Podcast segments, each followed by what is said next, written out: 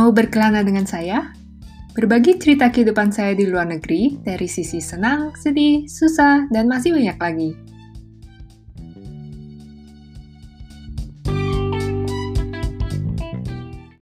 Kembali lagi bersama Berkelana Podcast. Uh, minggu ini kita ada special guest nih, namanya Tata. Welcome Tata. Halo, thanks for having me. Iya, jadi saya kenal Tata ini di waktu kuliah ya kita di Aussie. Terus uh, dia ini sebenarnya udah lama banget tinggal di luar negeri dan bener-bener banyak banget sampai kayaknya melebihi saya deh.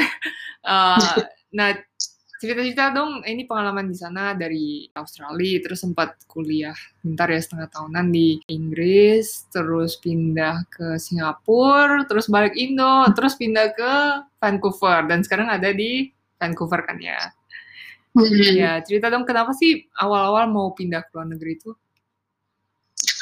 oh uh, sebenarnya pas itu pas mau sekolah sih dulu habis dari SMA pikirannya kayak antara mau ke Singapura atau mau ke Australia ke Melbourne kan kita. Terus kayak iseng-iseng sih mikir kayaknya pingin lihat aja apa yang ada di luar Indo gitu kan kayak sama dari kecil sampai gede kayak hidup di Indo kayak ya begitulah culture tapi kan kalau di kayak di beda negara kayak apa ya lebih buka wawasan kayak ngeliat-liat hal lain gitu loh. Jadi kayaknya interested waktu itu terus untuk aja kayak kesempatannya kebuka pas bisa sekolah di Australia waktu itu.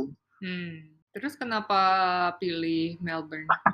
Um, benernya pas itu pas di Aussie itu pilih kayaknya emang milih sekolahnya cuma di satu tempat itu doang sih di Melbourne itu. Hmm. Kalau nah terus jadi entah kenapa nggak kepikiran di tempat lain. Jadi terus dan ternyata dapat. Jadi ya sudah. Oh jadi simpel banget ya ininya. Iya. Alasannya simpel. Uh, terus kan waktu Tata lulus SMA terus baru pindah kan ya Mm-hmm. Itu gimana cara milih sekolahnya? Kalau kalau City kan mungkin udah milihnya Melbourne doang. Kalau sekolah apa juga cuma milih satu sekolah itu doang? Pertama pikirannya pikir dulu kayak jurusan mau apa dulu sih sebelumnya kayak oh iya masuk jurusan yang mana gitu hmm. nah, terus sudah kayak pilih mau jurusan yang mana baru dilihat-lihat gitu sekolahnya um, maunya yang yang di yang ada jurusan yang kita pilihnya yang pilih. Terus udah gitu yang kayak kurang lebih cari yang universitinya kayak bagus gitu buat hmm. jurusannya itu kayak gitu. Dan hmm. it's very interesting to say juga pas di Aussie itu ngeplay cuma di sekolah itu. Eh enggak deh satu lagi kayaknya ada tapi terus terang aku nggak ikut satu lagi sekolahnya apa. Terus tapi yang uh, yang di Melbourne itu uh, universitinya terus tahunya dapat gitu. Jadi kayak ya oke okay lah jadi selama ini benar-benar semuanya smooth sailing ya iya lumayan sih. Ya ampun. Jadi ini coba cerita cara apply-nya apakah susah uh, dan apa yang harus disiapin Uh, pertama-tama tuh kayak interestnya tuh ada dimulai dari waktu itu pergi ke ini ya kayak apa namanya kayak edu fair gitu loh hmm. yang ada pameran edukasi sekolah-sekolah yang kayak gitu-gitu kan nah terus udah lihat-lihat gitu baru kalau udah tahu sekolahnya mau yang mana uh, kebanyakan karena mereka sekolahnya kan pasti pakai bahasa Inggris ya jadi pas saat itu harus tes TOEFL ya yang buat English level itu hmm. jadi uh, kok waktu itu gue TOEFL ya oh. bingung deh padahal harusnya Aussie kan IELTS ya iya kebanyakan IELTS sih kalau Aussie hmm, jadi ya entah kenapa sih waktu itu jadi malah tesnya tuh eh uh, tesnya tuh TOEFL. Kayaknya pas waktu itu sekalian belajar TOEFL kan uh, pilihannya mau ke Singapura atau ke Aussie hmm. gitu kan. Jadi kayaknya yang Singapura tuh pinginnya TOEFL ya. Jadi kayaknya sekalian aja gitu loh. Hmm. Kalau nggak salah pas itu gitu. Terus udah gitu ya jadi kayak persiapan dulu sebelum tesnya belajar-belajar dulu baru ngetes gitu. Terus hmm. udah gitu biasanya sih kebanyakan kayak karena kan jurusannya waktu itu multimedia design ya jadi hmm. mereka tuh minta kayak portfolio, contoh-contoh kayak gitu uh, kerjaannya, terus udah gitu lebih kayak banyak dokumen-dokumen sekolah juga harus disiapin gitu sih sebelumnya. Jadi hmm. kayak mereka minta sertifikat buat kelulusan, ijazah yang kayak gitu-gitu sih. Kebanyakan urusan dokumentasi sih. Soalnya kita lebih jurusan kita kan lebih ke ini ya apa desain. Jadi kan bukan kayak nggak ada nggak ada interview dan nggak ada tidak terlalu berhubungan dengan kayak komunikasi gitu kan. Jadi lebih ke portfolio hmm. ya. Iya benar. Terus cerita ini dong waktu baru pindah ke Aussie kan anggapannya baru pertama kali tuh tinggal di luar negeri. Hmm. Itu gimana? Ada kayak culture shock atau apa sih yang beda sama Indo gitu? Uh, culture shock sih ada ya. Uh, waktu itu kita uh, pas gua ke sana itu kayak uh, pas itu barengan sama teman SMA ada juga yang satu jurusan dan satu sekolah juga gitu loh pas di Melbourne-nya. Jadi terus kita kayak jadi housemate, tinggal bareng kayak gitu. Itu tuh kayak mendingan banget sih kayak ada something yang kayak oh masih familiar gimana culture dari Indo. Cuma memang pas pertama ke sana uh, culture shock sih pasti bahasanya itu ini banget ya. Kayak kena banget kayak yang namanya masih baru lulus SMA pindah ke sana terus kayak aduh ini orang ngomong bahasa Inggris apa ya? Kayak harus benar-benar fokus dan memperhatikan. Kalau enggak agak nggak ngerti beli es krim aja suka susah gitu. Aduh. Ya apalagi Inggrisnya kan Inggris Aussie kan ya. Uh, aksennya beda gitu. Terus, soalnya sebelumnya hmm. uh, mungkin kan kayak kebiasaan ngedengar kayak bahasa Inggris tuh kayak dari nonton film kan dan hmm. kalau nonton film itu kan American accent ini uh. kan ah. Australian accent agak berbeda gitu uh, uh, benar, benar. Uh. itu beruntung banget sih kalau Melbourne itu kayak banyak uh, Asiansnya jadi hmm. secara makanan kangen sih makanan Indo gitu hmm. tapi kayak nggak parah banget gitu oke hmm. lah masih ada banyak nasi yang gitu gitu hmm. hmm, hmm, hmm kayaknya di Melbourne banyak banget makanan Indo dan kualitasnya tuh nggak kalah sama makanan yang beneran di Indo gitu kan. Mm-hmm, iya bener-bener enak-enak gitu dan porsinya gede banget. Uh-huh. Kalau menurut gue tuh kayak masalah komunikasi gitu ya. Kalau di maksudnya kita sebagai orang Indonesia kan kayak cara komunikasi kita maksudnya kita udah terbiasa gitu lah. Jadi maksudnya bukan something yang harus dipelajari. Kita udah tahu kayaknya harusnya gini, gini. Kayak kalau kayak sama guru atau sama teman gitu. Cuma secara um, di Australia itu kan maksudnya kayak cara mereka berhubungan dengan orang, communication kan juga beda kan. Hmm. Jadi tuh kayak agak shock sih. Uh, ya ngerasa beda aja gitu. Cuma maksudnya setelah beberapa bulan gitu kayak gimana ya kayak observe terus udah gitu kayak agak lebih terbiasa sedikit lebih terbiasa mungkin ya hmm. kayak gitu.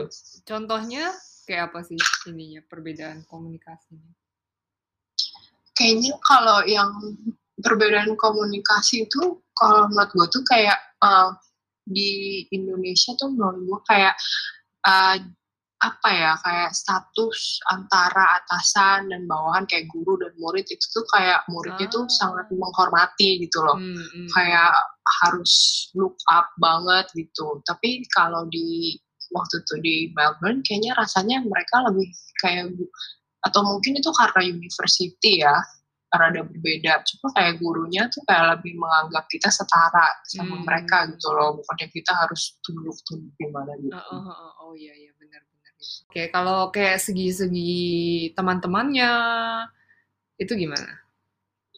Teman-temannya um, interestingly enough pas gue di sana itu teman gue banyak kan orang Asia juga sih. Jadi hmm. maksudnya secara walaupun agak berbeda cuma tuh kayak familiar sih. Jadi kayak hmm. kalau menurut gue ya mungkin gue nggak terlalu banyak uh, main sama orang lokalnya ya. Jadi kayak gue nggak begitu merasa beda sih sebenarnya hmm. itu apa ya gue juga mikir sih kebanyakan kan lumayan banyak ya orang Aus orang Indo di Aussie hmm. selama ini kayak gue ngeliat bisa dibilang jarang banget orang yang kayak bener-bener main sama orang lokal gitu yang tinggal hmm. di Aussie ya gue juga gue juga hmm. sendiri kebanyakan teman gue orang Asia gitu waktu gue di Melbourne hmm. entah kenapa kayak di uni juga bisa dibilang kayak hampir setengah kali ya international student. Hmm, kayak maksudnya kayak kita say hi, say bye, tapi uh -uh. kayak apa ya? Maksudnya bukan temen deket banget gitu loh kayak uh -uh. kalau temen gue di sini bilang kayak friendly but not friend. iya iya benar-benar iya.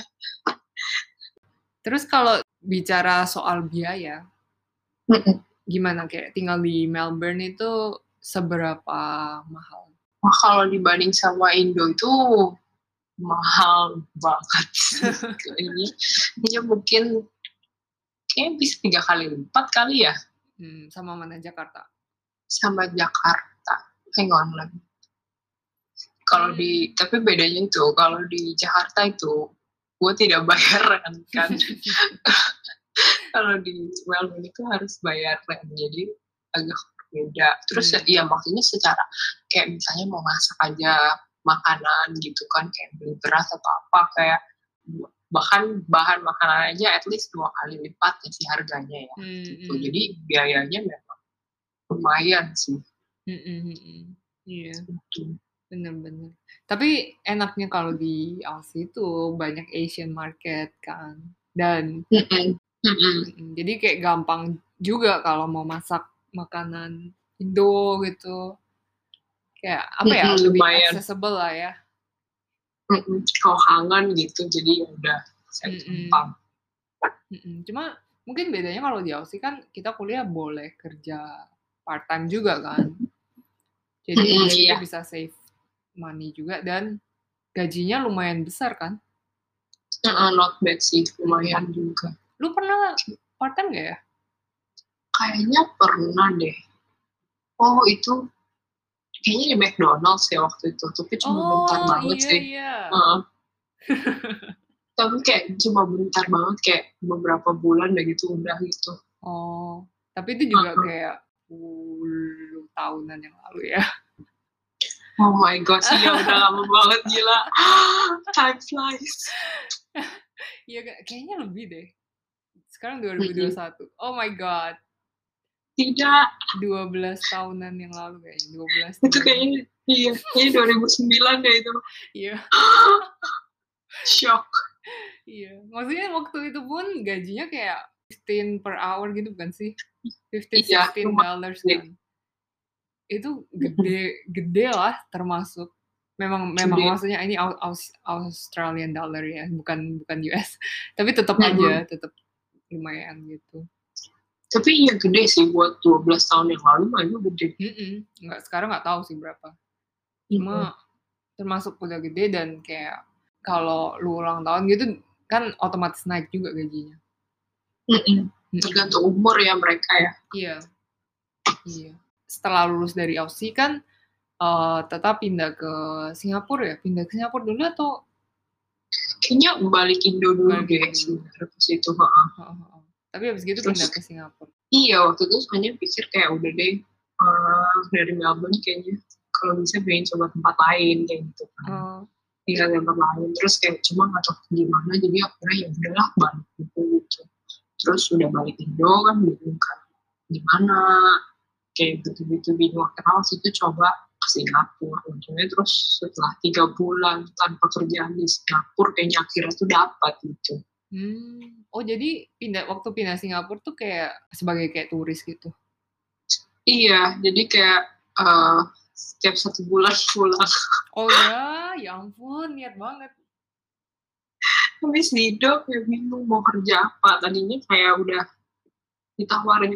Kayaknya waktu itu Indo tuh udah dapat sebenarnya. Hmm. Cuma kerjaannya kayak kok kayaknya kurang tertarik ya. Jadi ya sudah Hmm. Gitu. Hebat. Jadi di Singapura bolak-balik, terus akhirnya dapat. Uh. Itu tiga bulan. Terus waktu di Singapura itu kerja berapa lama? Dua tahun. Dua tahun lebih sedikit sih. Dua tahunan. Uh, terus uh -huh. ini pengalamannya yang di Singapura itu kan ini beda lagi kan sama apa bukan di Singapura kan bukan sekolah atau apa terus tiba-tiba udah langsung kerja kerja sebenarnya super shocking sih di Singapura itu orang-orang sangat bekerja keras dan bekerja lebih jadi kayak work life balance-nya tuh bener-bener gak ada sih uh. kayak gitu gitu apalagi buat industri gue waktu itu jadi tuh kayak orang kerjanya keras terus gitu kayak gile bisa hampir 24 jam oh, ya? kadang-kadang iya Gila. mengerikan Jadi terus banget. iya terus kayak tapi setelah dua tahun itu kayaknya waduh sepertinya jangan lagi deh capek terus yang dari Singapura itu dua tahun terus balik Indo lagi bukan ya balikin sebenarnya balik Indonya tuh cuma bentar sih cuma kayak soalnya waktu itu habis dari Singapura kan memang udah tahu mau ke Kanada kan jadi terus pikir ya udah kita Indo dulu uh, kayak pengen ngabisin waktu sama keluarga sebelum pindah ke Kanada gitu kan. Hmm. jadi kayak paling sebulan sih. Oh Indo. tunggu bentar kok. Jadi waktu udah tahu mau pindah ke Kanada itu itu ada apa? Oh waktu itu kayak uh, akhirnya soalnya tuh pasti Singapura kan bingung kan kayak aduh ini gimana ya? Kayak oh kalau karir kayak gini males banget sih nggak mungkin bisa tahan lama kan. Jadi terus waktu itu mulai sekolah ke Kanada yang satu tahun gitu. Hmm. uh, terus untungnya tuh pas diterima mereka kayak pasti ada apa ya setengah scholarship gitu. Jadi terus hmm. kayak kayak uh, maybe sebutin sih pergi sekolah tapi cuma satu tahun kan. Jadi kayak lama-lama itu terus kayak ya udahlah coba aja gitu ambil. Gitu. Hmm, jadi balik sekolah lagi itu kayak master bukan? Enggak sih sebenarnya bahan kayak diploma doang. Jadi cuma um, itu course kayak apa ya kayak intensif course gitu loh. Hmm. sebenarnya tuh lebih kayak uh, diploma doang terus kayak intensif course yang kayak semuanya dipadutin jadi satu tahun gitu loh. Hmm oke. Okay. hmm, kayak gitu kalau boleh tahu itu ke uni mana ya? Oh yang di sana di Vancouver Film School.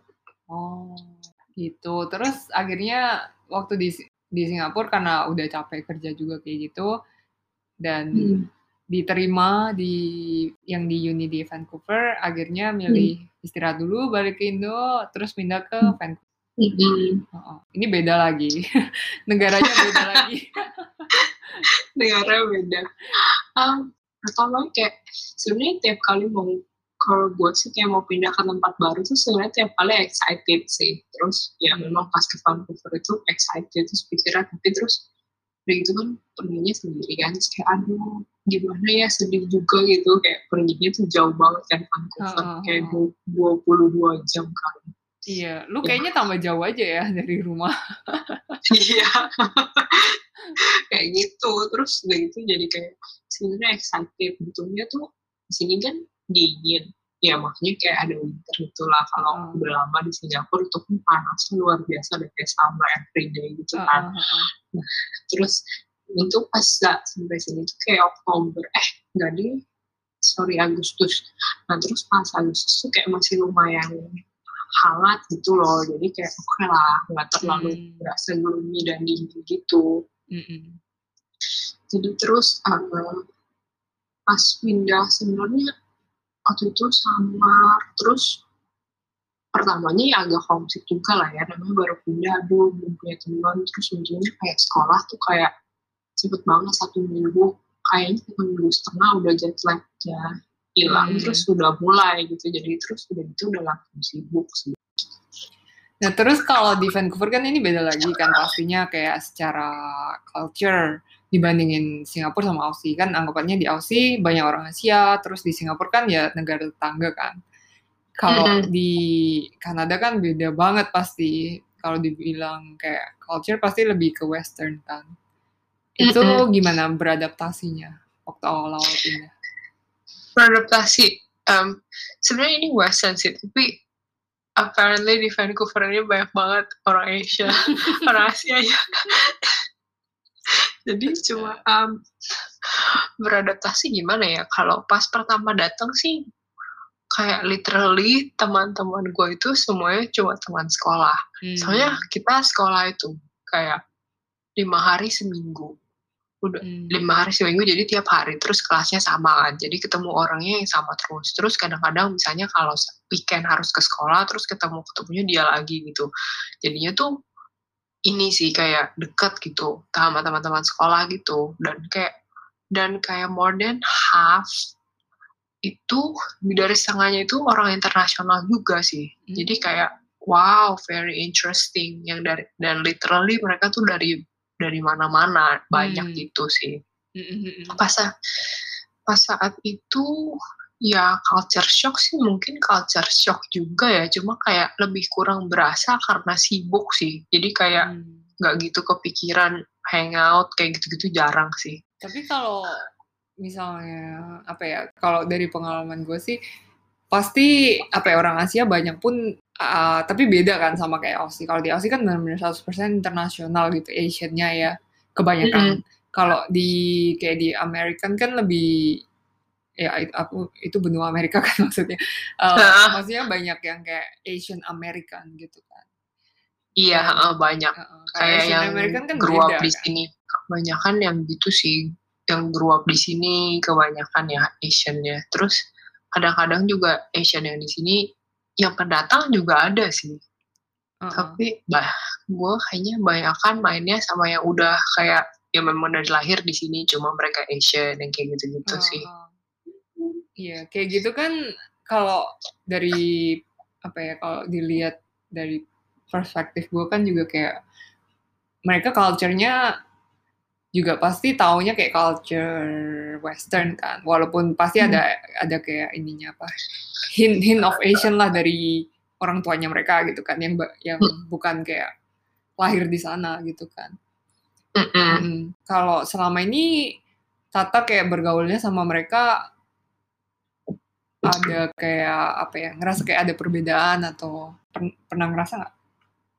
Sebenarnya in terms of uh, kalau kayak gitu mungkin secara uh, apa ya kalau perspektif kalau menurut gue tuh sebenarnya Asian itu yang sama itu kenapa gue pengen main sama mereka mungkin ini menurut gue ya kita punya same value gitu loh in terms hmm. of like how you see your family your relation hmm. with family kayak gitu gitunya kalau menurut gue tuh sama gitu hmm. kalau yang berbeda kayaknya mirip sih, hampir mirip banget gitu. Jadi maksudnya nggak begitu berasa bedanya ya. Kecuali kalau yang Asian yang grew up di sininya yang udah mindsetnya tuh udah western banget.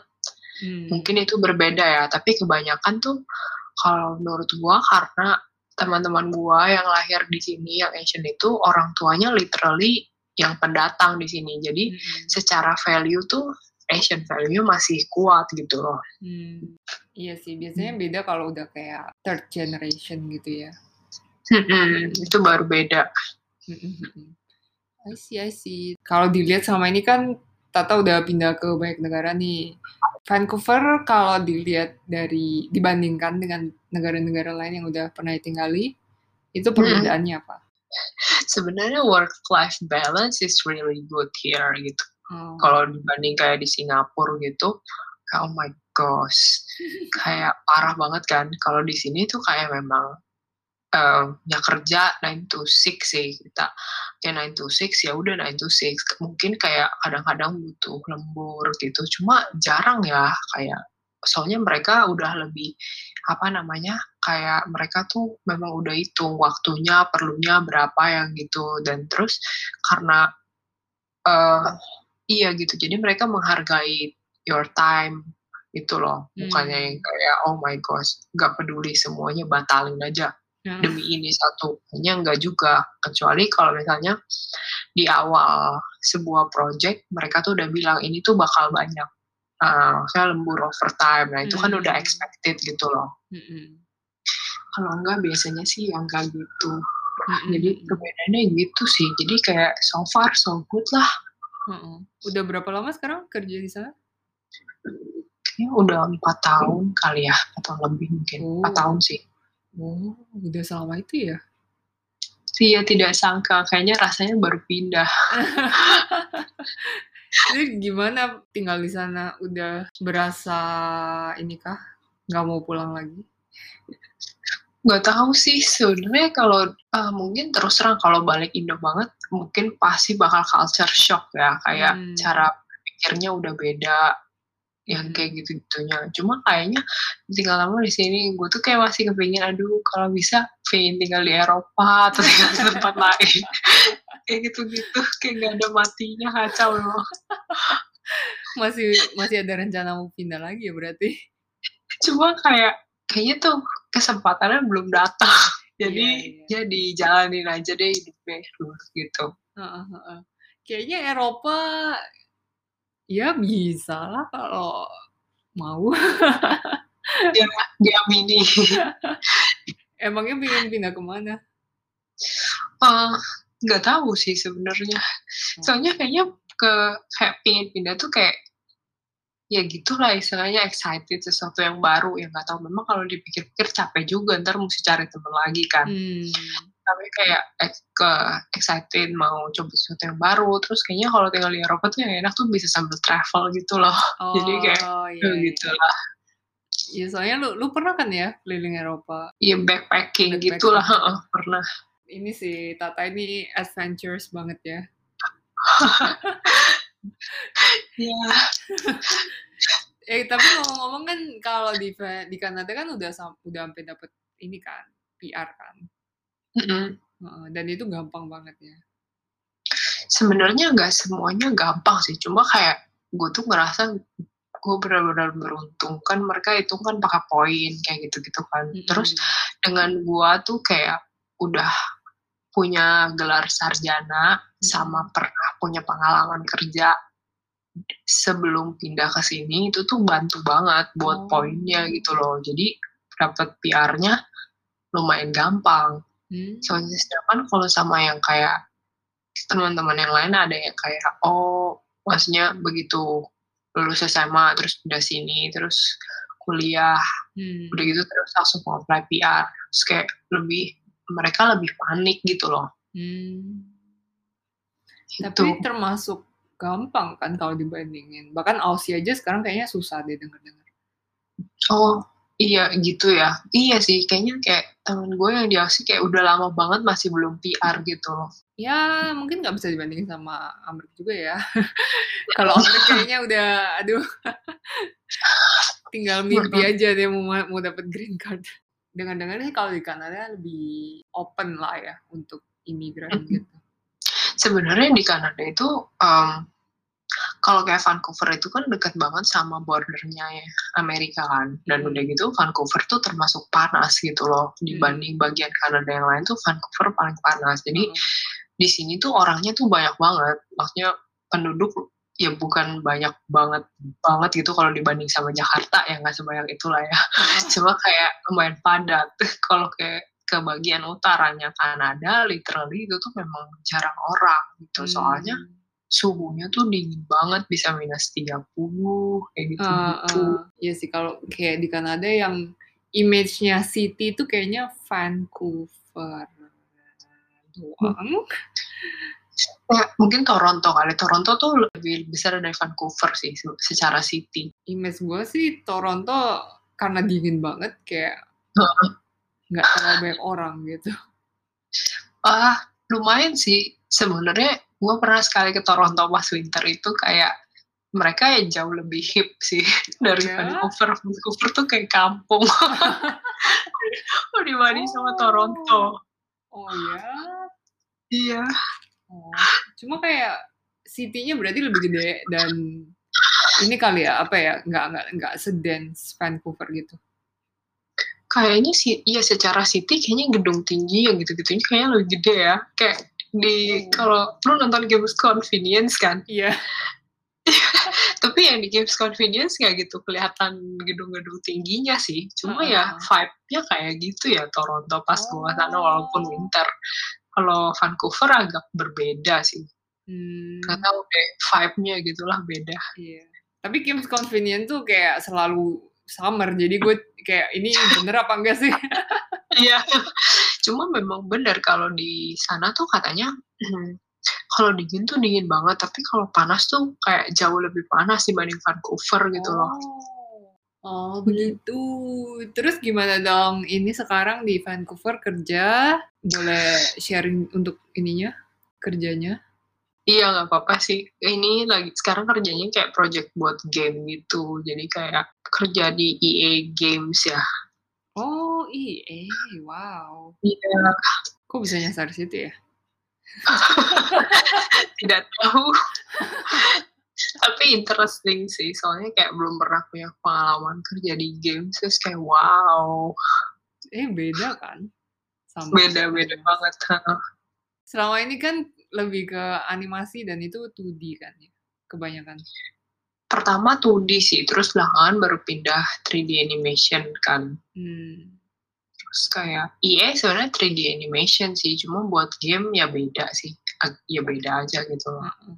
Tapi lu kan pernah bikin game waktu kuliah. Sama lo. Iya kan? Ya ampun, ya ini bisa ini ya. Kayaknya sekarang lumayan banyak nggak sih anak-anak orang-orang Indo juga yang kayak belajar bikin game gitu, sama animasi juga. Mm-mm, kayaknya lumayan gede. dibandingin kayak waktu dulu kita kuliah tuh masih dibilang jarang kan. Uh-uh, orang bingung kita ngapain gitu. Uh-uh. Tapi kalau di Indo, kayaknya di Bali kan udah ada studionya ya. Oh ya? Ber- uh, Brown Bags Animation itu kayaknya banyak show-show, nggak banyak sih, mungkin beberapa show di Netflix gitu bisa outsource ke sana. Oh, wow. Iya, kayaknya oh. sekarang tambah maju sih. Indo. Mm -hmm. Oh, oh. Bahkan di Aussie iya. sendiri pun Aussie, Aussie ada ya studio juga, cuma kayak nggak gede lah. Ada di mereka kebanyakan di Sydney deh. Ternyata hmm. yang bikin Matrix tuh dari Aussie tahu gak sih? Kayaknya kayaknya itu, tapi itu kan lebih kayak CG gitu kan? Iya lebih visual effects yang kayak uh, gitu gitu kayaknya kalau memang film kayaknya banyak sih di Aussie. Kayak kalau lu lihat Marvel Marvel di ending credit banyak tuh yang dari apa kayak pakai studionya yang di Victoria gitu. Mm -mm, iya iya benar-benar. Mm -mm not bad cuma di sini jauh lebih banyak sih soalnya kayaknya kan kalau dari Amerika syuting di Vancouver tuh secara cost lebih murah ya jadi mereka hmm. mau pindahin production banyak di sini oh, gitu. Ya? Mm -hmm. Oh, ini menarik banget nih. Jadi gimana Anda mau ke sini? Aduh, pindah ke Kanada. Hmm. Memang kedengarannya lebih gampang daripada ke Amrik ya. Kayaknya. Ya ampun, gue belum mengunjungi lo pas lo di SF. Gimana ini? Sekarang baru udah jauh. visa. Iya, men. Gue baru bikin visa. Terus COVID. Aduh. iya. Soalnya gue juga di SF dua tahun doang. Dua tahun sebenarnya lama sih. Lama sih. Lu sih. Sombong memang. Oke oke itu gue balik lagi ke pembicaraan. Jadi kalau selama ini misalnya bandingin ya negara-negara yang pernah tinggalin, kita kan belum belum masukin ini tadi apa uh, England Inggris juga kan. Tapi mungkin kalau di Inggris kan cuma sebentar. Kalau dibandingin dengan berapa itu lima negara ya, Aussie, Indo, Inggris, Singapura, Kanada. Uh-uh. Perbedaan misalnya dari sisi tinggalnya, biayanya, teman-temannya, kerja mungkin kan nggak nggak semuanya kerja. Cuma kalau kayak dimasukin kerja sama sekolah, di ranking deh yang paling top dan paling paling low. Sebenarnya tergantung aspek sih ya. Hmm. Kayaknya kalau misal secara lingkungan uh, work life balance gitu-gitu apalagi buat industri animation yang kayak gue ini hmm. sebenarnya kalau Kanada sih gue bakal bilang nomor satu gitu loh hmm. cuma um, kalau kayak Aussie gitu soalnya kayak gue cuma pernah sekolah gitu dan kerja pun kayak itu tuh pernah fill in kayak graphic design tapi bukan film jadi gue nggak bisa bandingin kan bagian hmm. itunya kalau uh, tapi ya gitu sih. Jadi Aussie gue nggak bisa banding. Agak susah gitu secara kalau secara lingkungan Kanada oke okay sih gitu. Hmm. kalau Inggris juga kayaknya gue tuh juga waktu itu cuma exchange program. Terus kayak belum pernah kerja gitu loh. Jadi gue juga agak susah ngebandinginnya ya. Hmm. kayak kurang enggak uh, gue kayak nggak tahu gimana lihat aspeknya. Cuma kalau untuk uh, kalau gue bilang kalau buat biaya sih Inggris paling mahal sih secara oh, iya? apa dolarnya mahal kan. Oh iya iya. Tapi lu mm -hmm. waktu itu di mana ya? Waktu itu di London, cuma gue nggak literally gue nggak tinggal di city-nya, kampusnya itu kan kalau London kan lumayan gede ya, terus udah gitu hmm. dia tuh ada zone-zonenya gitu loh, gue tuh lumayan jauh, zone 5 kayaknya deh. Oh. Jadi udah di luarnya, downtown-nya gitu. Uh, uh. Tapi tetap hmm. mahal kan? Tetap lumayan mahal sih makanan yang gitu-gitunya ya. Hmm, itu paling mahal. Kalau paling murah Indo lah ya. Indo. Itu Indo. Sebenarnya Singapura juga makan nggak gitu mahal sih kayak tiga dolar tiga dolar kayak berapa duitnya tiga puluh ribu gitu kayak itu udah makan siang kenyang enak banget gitu loh secara makan gitu cuma kebanyakan di Singapura itu yang susah sebenarnya makan murah jadi kayak masak itu mungkin nggak nggak perlu masak sih gitu kali ya. Jadi tapi kalau kayak rent itu di Singapura yang susah tuh kebanyakan mereka nggak kasih lu masak soalnya mereka takut hmm. dapur kotor. Nah sekarang coba ranking ininya deh orang-orangnya gimana? Orang-orangnya? Uh -uh. hmm kayaknya pertama Kanada kali ya. Oh kenapa? Kanada. Soalnya kalau um, mereka tuh sebenarnya lebih open sih walaupun yang kayak kata gue itu juga sama mirip Aussie kayak friendly but not friend hmm. cuma kayak mereka tuh open gitu loh um, terus terang kalau menurut gue ya kalau Kanada dibanding Aussie apalagi orang lokalnya hmm. yang bukan Asian board gitu maksudnya ya kayak hmm kalau di sini orangnya lebih ramah, sopan santun. Cuma ya itulah uh, agak surface. Cuma mereka open gitu. Kalau di Aussie yang kayak kita ngomongin tadi, kalau menurut gue orangnya tuh lebih segregated gitu loh. Jadi kalau misalnya kayak mereka lokal ya mereka mainnya sama lokal. Mereka nggak peduli sama kayak international hmm. people yang datang. Tapi kalau di sini mereka lebih terbuka menurut gue gitu. Hmm. Nggak pandang bulu gitu lah di Kanada. Okay. Jadi I think it's a good thing. Terus um, coba yang lowest dulu deh, yang kayaknya lima ya kayaknya itu Aussie deh buat gua. uh, belum saya. Terus um, ranking 4 tuh mungkin Singapura kali ya. Oh. Kalau menurut gue, soalnya as much as mereka ramah, welcoming gitu-gitu, tapi juga kayak karena secara kerja, kalau menurut gue lingkungan kerja gue nggak enak, so I don't like it sih gue bilang. Jadi hmm. orangnya agak kurang etis sih menurut menurut gue ya dalam lingkungan kerja yang gitu-gitunya hmm. gitu jadi gue kurang suka gue dengar um, orang Singapura itu kiasu ya aku bukan kiasu lagi. Berbeda kiasu. Santai santai coy.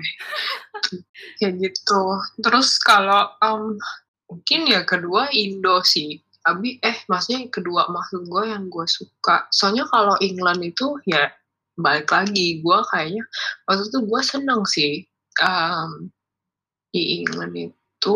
Tapi juga karena gue cuma enam bulan ya. Jadi kayak bener-bener gue nggak bisa bilang sih kayak nggak bisa gue bandingin hmm. soalnya pengalamannya kurang gitu hmm. terus kalau Indo sih ya maksudnya kayak kekeluargaan uh, dekat orangnya kayak ramah ya walaupun kadang-kadang mungkin ada drama ya karena oh. kayak terlalu dekat hubungannya gitu agak kurang boundaries tapi ya Indo is good sih gue bilang uh, uh, uh. itu deh jadi kayak I quite like it juga. Berarti satu Kanada, dua Indo, tiga Inggris. Iya deh. Empat Singapura, lima Aussie. Yo, Oke oke sip. Uh, terus mungkin Tata mungkin bisa berbagi rencana ke depannya bagaimana? Hmm, good question. Karena COVID kayaknya nggak ada rencana deh. think stay alive is a good plan. Buat tahun ini paling nggak itu sih pasti. Iya, kayaknya soalnya nggak tahu lagi gimana ya susah juga mau rencana mau gimana gitu kayak jadi jalanin dulu aja lah ya sebenarnya bukannya sombong wah gila sampai hidup masih panjang apa gimana gimana cuma kayaknya untuk saat ini kayak ya udahlah dijalanin dulu maksudnya kesempatan bisa datang lain kali kalau ada kesempatan bisa pindah lagi why not kalau enggak hmm. ya coba kita lihat nanti deh gitu iya mm yeah Kayaknya kalau Tata lebih ini ya, go with the flow gitu ya. Kalau ada kesempatan, diambil aja gitu. Mm -mm. Mm Ya kadang-kadang kayaknya tergantung orang beda sih. Kadang gue tuh kayak, wah gila, udah kayaknya udah tahu seluk beluknya, tinggal di sini udah lama, jadi iseng pingin coba yang lain. Cuma kan ada juga yang suka, wah udah enak, udah banyak temen di sini, jadi kayak pingin settle down. Hmm. Jadi itulah. Ya, uh, uh apa maksudnya apa tat, tat lu merasa bakal bakal pingin settle down gak di waktu dekat? Uh. Enggak. Wah ya? gila itu pertanyaannya sangat jauh di future. gue tidak bisa jawab soalnya kayak gue bilang bakal mau settle down tapi terus gak jadi juga gak bisa juga ya I cannot say sih sebenarnya. ya ampun, oke okay, oke. Okay. Jadi kalau biasanya orang kalau sering pindah negara kan apa ya kayak ya itu juga sih tadi kan lu juga ada bilang ya kayak capek juga kan pindah lagi terus harus ngulang lagi dari awal gitu kan. Iya. Ya tapi kalau lu lebih ke ininya ya lebih ke excited untuk mencoba hal yang baru. Iya sih sebenarnya. Sebenarnya kalau soalnya gue tuh kadang suka lupa berpikir mungkin gue agak ansos kali ya. gue suka gue lupa suka lupa berpikir iya ya gue tuh sebenarnya butuh teman gitu. Oke, okay, ya udah kayaknya kita udah wrap up gitu aja. Thank you banget ya Tata udah mau sharing semua uh, ini pengalaman di, di luar negeri dan dari cara-caranya juga tentunya kayaknya kalau untuk anak uh, orang-orang yang mendengarkan podcast ini kalau misalnya ada ini berjiwa adventurousnya seperti Tata ini bisa tuh diikuti caranya. Iya, yeah, Mas sama. Thank you for having me. Rasanya yeah. tuh skill gue selama ini kayak bisa packing barang. Skill packing barang meningkat. Enggak lah, kayaknya lebih dari itu sih. Kalau uh, yang bisa dipelajari dari lu tuh adalah nekat aja gitu. thank you, thank you, thank you. Dengan dari nekat itu bisa end up di banyak negara gitu, tinggal di banyak negara. Itu perlu dicontoh itu untuk orang-orang yang takut ambil first step. Iya bener sih kayaknya. Uh-uh. Coba aja nekat.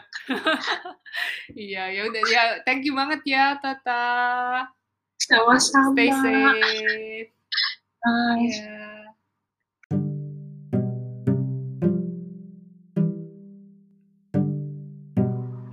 Terima kasih sudah mendengarkan podcast hari ini bersama Tata yang sudah berbagi cerita tentang pengalaman dia tinggal dan pindah ke banyak negara hingga sekarang. Hope you enjoy the podcast today and don't forget to follow Berkelana Podcast. And if you have any questions, feel free to submit it through anchor.fm slash berkelana hyphen saya. See you on the next episode.